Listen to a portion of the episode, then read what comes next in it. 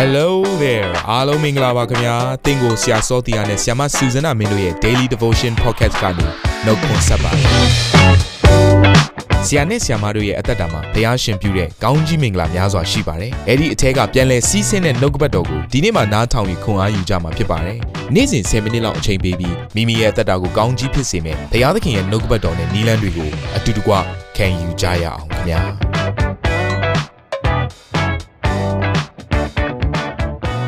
အားလုံးကိုမင်္ဂလာပါလို့နောက်တစ်ရက်ထပ်ပြီးတော့နှုတ်ဆက်ပါတယ်ဒီနေ့ကတော့လေးရက်မြောက်နေ့ဖြစ်တယ်ဒီတပတ်တာမှာကျွန်တော်တို့လေ့လာနေတဲ့နှုတ်ကပတ်တော်ကတော့မာနတ်ကိုအောင်ပြီเนาะမနေ့ကတော့ကျွန်တော်တို့မာနတ်ကိုเนาะအောင်တော်သူကဘာလို့လဲဆိုတာကိုကျွန်တော်တို့လေ့လာခဲ့ပြီးတဲ့အခါမှာအခုနှုတ်ကပတ်တော်နားထောင်နေကြသောသူတယောက်စီတိုင်းဟာမာနတ်ကိုအောင်မြင်တော်သူတွေဖြစ်တယ်ဆိုတာကိုသိမှတ်မယ်လို့ကျွန်တော်ယုံကြည်တယ်ဒီနေ့မှာတော့ထိုမာနတ်ကိုနိုင်တဲ့လက်နက်တွေကြောင်းကျွန်တော်လေ့လာရအောင်เนาะ မာနတ်ကိုနိုင်သောလက်နက်များဆိုတဲ့ခေါင်းစဉ်အဖြစ်နှုတ်ကပတ်တော်ကိုလေ့လာခြင်းပါတယ်အဲ့တော့နှစ်ကောခန်းကြီး30ငွေ၄ကနေ9ကိုပထမဦးစွာဖတ်ချင်ပါတယ်ငါတို့စစ်တိုင်၍သုံးဆွဲသောလက်နက်သည်ဇာတိပဂတိလက်နက်မဟုတ်ဖျားသခင်တကိုးတော်အားဖြင့်မြို့ရိုးမြို့ပြတို့ကိုဖြိုဖျက်နိုင်သောလက်နက်ဖြစ်၏ထိုလက်နက်အားဖြင့်လူတို့၏အကြံစီတို့ကို၎င်းဖျားသခင်ကိုတည်သောပညာကိုစီတာသောမမာနရှိသမျှတို့ကို၎င်းနှိမ်ချမှောက်လန်၍ခတ်သိမ်းသောစိတ်တို့ကို ဖမ်းသွားချုပ်ထားလျက်ခရစ်တော်၏စကားကိုနားထောင်ကြစေ၏အဲ့တော့ဒီနှုတ်ကပတ်ကျမ်းစာမှာကျွန်တော်တို့နော် attacking weapons ဒါတိုက်ခိုက်တဲ့လက်နက်ကိုတွေ့ရလိမ့်မယ်ခံစစ်မဟုတ်ဘူးနော် attacking တိုက်ခိုက်တဲ့လက်နက်မာနတ်ရဲ့မြို့ရိုးမြို့ပြတွေကိုဖြိုဖျက်တဲ့လက်နက်ဒါကိုကျွန်တော်တို့သိဖို့လိုပါတယ်အဲ့တော့အဲ့ဒါဟာဘာလဲဘုရားသခင်တကိုးတော်ဖြစ်တယ်တဲ့အဲ့တော့ကျွန်တော်တို့ကကိုရင်ဆိုင်နေရတဲ့ရန်သူဖြစ်တဲ့ဆာလမန်နဲ့ တိုက်ပွဲကိုတိုက်တဲ့ခါမှာခန်းစစ်ကြီးသက်သက်မဟုတ်ပါဘူးခဏနေကျွန်တော်တို့ဝိညာဉ်ရေးရနဲ့ပတ်သက်တဲ့ဒါလက်နက်တွေကိုလေ့လာတဲ့ခါမှာဟာခန်းစစ်နဲ့ဆိုင်တဲ့เนาะကိုခန္ဓာမှာကိုယ့်ရဲ့အသက်တာထဲမှာစစ်ပွဲတစ်ပွဲဝင်ပေါ့เนาะဒါအပြင်လောကမှာစစ်သားတယောက်အနေနဲ့တိုက်ပွဲဝင်ရင်ဝစ်ဆင်ရတဲ့လက်နက်တွေရှိတယ်လေเนาะကြွကိုယ့်ရဲ့ကိုခန္ဓာမှာကာဖို့ရန်အတွက်เนาะဒါဟိုးတုန်းကစစ်ပွဲတွေဆိုရင်တော့ဒိုင်းလွှားပေါ့เนาะဒါကာတာဖြစ်တယ်ဓားလန်ကကျတော့တိုက်ခိုက်တာဖြစ်တယ်အဲ့တော့သူကကာတဲ့ရာရှိသလို အာတိုက်ခိုက်တဲ့လက်နက်လည်းရှိတယ်ဆိုတော့အခုငါတို့တဲ့ကင်ဆွဲတဲ့လက်နက်ဟာတဲ့ရန်သူရဲ့မြို့ရိုးမြို့ပြတွေကိုပြိုပြက်စေတဲ့လက်နက်ဖြစ်တယ်ဆိုတာ attacking weapons တွေကိုပြောတာဖြစ်ပါတယ်အဲ့တော့ဗျာဒိတ်စနစ်ငယ်30ကနေ17မှာလဲเนาะဒါနောက်ထပ်လက်နက်တွေကိုပြောထားတယ်အဲ့တော့ကောင်းကင်ဘုံ၌ကြီးသောအတန်ကယခုမှကယ်တင်ခြင်းဖြစ်၏တကိုးတော်လည်းဖြစ်၏ငါတို့ဘုရားသခင်နိုင်ငံတော်နှင့်သူ၏ခရစ်တော်၏အာနာစက်လည်းဖြစ်၏အကြောင်းမူကား ငါတို့ညီကိုများကိုငါတို့ဘုရားသခင်ရှေ့တော်၌နေညမပြတ်အပြစ်တင်သောရန်သူကိုအောက်သို့ချလေပြီသူတို့သည်တိုးတငယ်၏အသွေးအားဖြင့်၎င်းမိမိတို့တက်တည်ခံချက်နှုတ်ကပတ်တရားအားဖြင့်၎င်းအောင်မြင်၍အသေးခံသည့်တိုင်အောင်ကိုယ်အသက်ကိုမနှမျောကြဆိုတော့ဒီနှုတ်ကပတ်ကျမ်းစာကတော့နောက်ဆုံးသောကာလတာဗျာဒိတ်ကျမ်းထဲမှာပေါ့နော်နောက်ဆုံးတရားစီရင်ခြင်းမှာကျွန်တော်တို့ယုံကြည်သူများရဲ့ total victory ပေါ့နော်လုံးဝအုတ်တုံအနိုင်ပွဲကိုပေါ်ပြထားတဲ့ ပုံဖော်ချက်လေးဖြစ်ပါတယ်။နော်အဲ့ဒါကတော့တော့လက်နဲ့၃မျိုးရှိတယ်။အဲ့လက်နဲ့၃မျိုးနံပါတ်၁ကဘာလဲဆိုတော့တိုးတငယ်ရဲ့အသွေးတော်တဲ့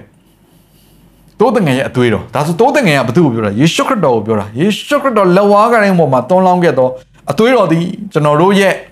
အောင်ခြင်းလက်နဲ့ဖြစ်တယ်နံပါတ်1နံပါတ်2ကတော့ဘာလဲဆိုတော့နှုတ်ကပတ်တော် the word of god ဘုရားသခင်နှုတ်ကပတ်တော်ဖြစ်တယ်တဲ့ဘုရားသခင်နှုတ်ကပတ်တော်အားဖြင့်လည်းကျွန်တော်တို့ကမာနကိုနိုင်တယ်တဲ့တခါ သုံးခုမြောက် weapon ကတော့ဘာလဲဆိုတော့အသေးခံသည့်တိုင်အောင်တက်သေးခံကြတဲ့ယုံကြည်သူများရဲ့တက်သေးခံချက်ဖြစ်တယ် the testimonies of believers ကျွန်တော်ယုံကြည်သူများရဲ့တက်သေးထူခြင်းဒါ testimonies လို့ပြောတဲ့အခါမှာတရားယုံနေမှာတက်သေးထွက်ဆိုချက်ဆိုတာရှိတယ်တရားသူရဲ့ရှေ့မှာတက်သေးဆိုတာကသူကတိန်းထားရတဲ့အရာတစ်ခုမဟုတ်ဘူးเนาะတရားသူရဲ့ရှေ့မှာထုတ်ဖော်ဝန်ခံကြေညာပြသရတဲ့အရာဖြစ်တယ်ဒါကြောင့် testimonies of believers ယုံကြည်သူများရဲ့တသက်ခံချက်ဆိုတာဘာကိုပြောလဲဆိုရင်နော်ကျွန်တော်နှုတ်ရှာပါဇက်ကဒါမှမဟုတ်လေကျွန်တော်တို့လူတွေရဲ့ရှေ့မှာဘုရားသခင်သားသမီးဖြစ်ကြောင်းဝန်ခံကြေညာခြင်း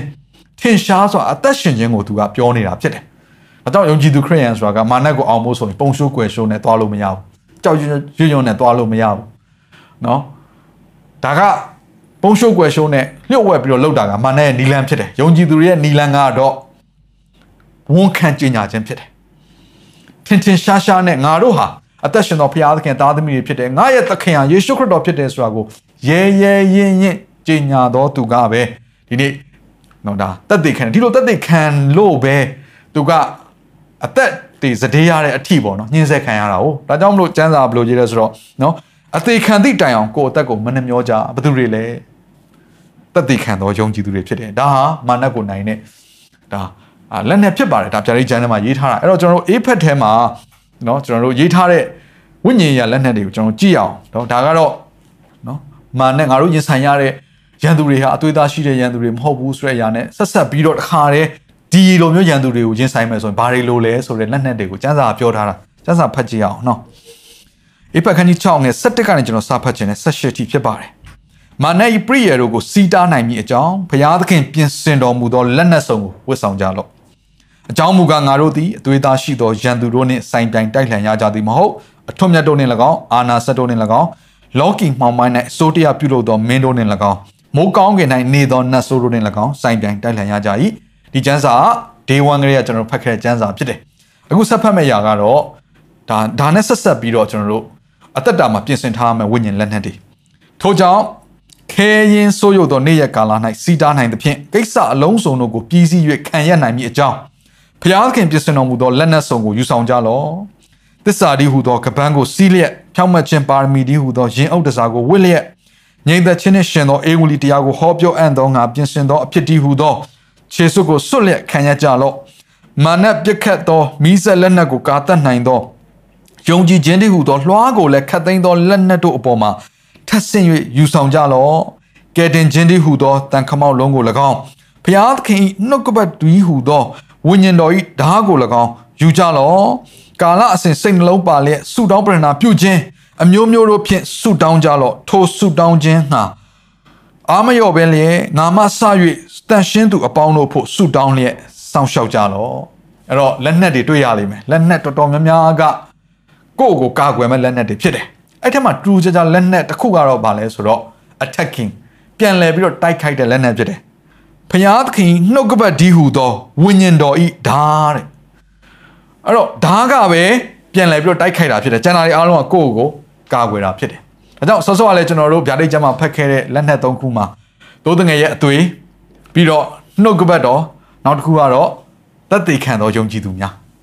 နော်ယုံကြည်သူများရဲ့တသက်ခံချက်ပေါ့ဝန်ခံချက်ပေါ့ဆိုတော့အဲ့တော့တစ်နဲ့ကျွန်တော်တို့သုံးကိုနော်မနေ့ပြန်ကြရင်နောက်ဆုံးရက်အနေနဲ့ အသေးစိတ်ကျွန်တော်လေ့လာမယ်ဘာဘာကြောင့်လဲဆိုတော့ဒါသိုးတငယ်ရဲ့အသွေးယေရှုခရစ်တော်အသွေးတော်တကူကျွန်တော်မနေ့ပြန်ကြရင်လေ့လာပြီးတော့နော်အဲ့အသွေးတော်တကူကျွန်တော်တို့အသက်တာထဲမှာဘယ်လိုအသုံးချမလဲဆိုတဲ့ຢာတွေကိုကျွန်တော်တို့ဆင်ခြင်ဖို့ဖြစ်တယ်အဲ့တော့နှုတ်ကပတ်တော်နဲ့ဆက်ဆက်ပြီးတော့ဒီကျမ်းစာမှာတွေ့ရတဲ့စိတ်ဝင်စားစရာတစ်ခုကဘာလဲဆိုတော့စိတ်နှလုံးပါလက်ကာလအစဉ်ဆူတောင်းပရဏာပြုခြင်းနဲ့ဆူတောင်းခြင်းအမျိုးမျိုးနဲ့တဲ့တယောက်ကိုတယောက်ကာကွယ်စောင့်ရှောက်ပါတန်ရှင်းသူချင်းချင်းကာကွယ်စောင့်ရှောက်ကြပါဘာအဖြစ်လဲဆူတောင်းခြင်းအဖြစ်အဲ့တော့ဒီနေရာမှာနှုတ်ကပတ်တော်ဒီဟူသော ဒါကပြန်လဲပြီးတော့တိုက်ခိုက်တဲ့လက်နက်ဖြစ်တယ်လို့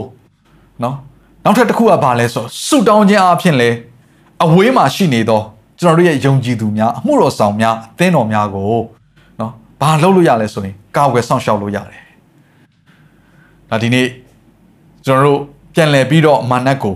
တိုက်ခိုက်လို့ရတဲ့လက်နက်တွေကိုသဘောပေါက်ဖို့ဖြစ်ပါတယ်အဲ့တော့ကျွန်တော်ဒီထဲမှာပါတဲ့ဝိညာဉ်ရေးလက်နက်တွေကတော့တစ်ခုချင်းစီကိုကျွန်တော်အသေးစိတ်မရှင်းပြတော့ဘူးဒီနေ့ဟာ daily devotion ဖြစ်တယ်ဒါကြောင့်မလို့ဒီနေ့မှာတော့ပြန်လည်ပြီးတော့တိုက်ခိုက်တဲ့လက်နက်တွေကိုကျွန်တော်တို့မာနက်ကိုနိုင်နိုင်တဲ့လက်နက်တွေကိုလေ့လာကြတာဖြစ်ပါတယ်အဲ့တော့ဒီနေ့သင်ရဲ့အသက်တာထဲမှာနှုတ်ကပတ်တော်ကိုဆွဲကင်ဖို့ရန်ရည်ကြီးတယ်နှုတ်ကပတ်တော်ကိုနှလုံးသားထဲမှာတုတ်ထားဖို့အရေးကြီးတယ်ဒါမှဒီနေ့မာနက်ကလာပြီးတော့လှည့်ပြားတဲ့ခါကျရင်လာပြီးတော့သွေးဆောင်တဲ့ခါကျစုံစမ်းတဲ့ခါကျရင်ယေရှုခရစ်တော်ကမာနက်နဲ့မျက်နှာချင်းဆိုင်စုံတဲ့အခါမှာပြန်လည်ပြီးတော့နှုတ်ကပတ်တော်အဖြစ်တုံ့ပြန်ပြီးတော့အောင်နိုင်တယ်လို့ပဲကျွန်တော်တို့ဒီနှုတ်ကပတ်တော်ဓာတ်နဲ့ပြန်လည်ပြီးတော့တွန်းလှန်နိုင်မယ်အဲ့ဒါအပြင် ရဝေးမှာရှိတဲ့ကျွန်တော်တို့ရဲ့မိသားစုတွေကိုယ့်ရဲ့အိမ်သူအိမ်သားတွေညီကိုမောင်နှမတွေအမှုတော်ဆောင်တွေအသင်းတော်တွေအမှုတော်ဆောင်လုပ်ငန်းတွေဧဝံဂေလိခရီးစဉ်တွေမှာစ၍သာသနာပြုတဲ့ຢာတွေအားလုံးအတွက်နော်ကျွန်တော်တို့ဒီဆုတောင်းခြင်းနဲ့ကာလစဉ်စိတ်နှလုံးပါလေအမျိုးမျိုးသောဆုတောင်းခြင်းအပြင်ကာကွယ်ဆောင်ရှောက်ဖို့ဖြစ်ပါတယ်နော်ကျွန်တော်လည်းအခုဆုတောင်းပြီးတော့ဒီနေ့နှုတ်ကပတ်တော်ကိုနားထောင်တော်သူတယောက်စီတိုင်းကိုကောင်းကြီးပေးလျက်ကာကွယ်ဆောင်ရှောက်ပါမယ်ကဲဒီကနေခဏဆုတောင်းပေးခြင်းနဲ့ ဘုရားသခင်ဒီနေ့နှုတ်ကပတ်တော်ကိုကိုရောကိုယေရှုတင်တယ်ဒီနေ့မှာလေ့လာသောနှုတ်ကပတ်တော်သည်ပြန်လည်၍ဒီနေ့မာနရဲ့မြို့ယုံမြို့ပြတွေကိုပြိုပြက်စေသောလက်နက်ဖြစ်သောကိုရောရဲ့တကိုးတော်ကိုလေ့လာကြတာဖြစ်ပါတယ်ကိုရောရဲ့အသွေးတော်သည်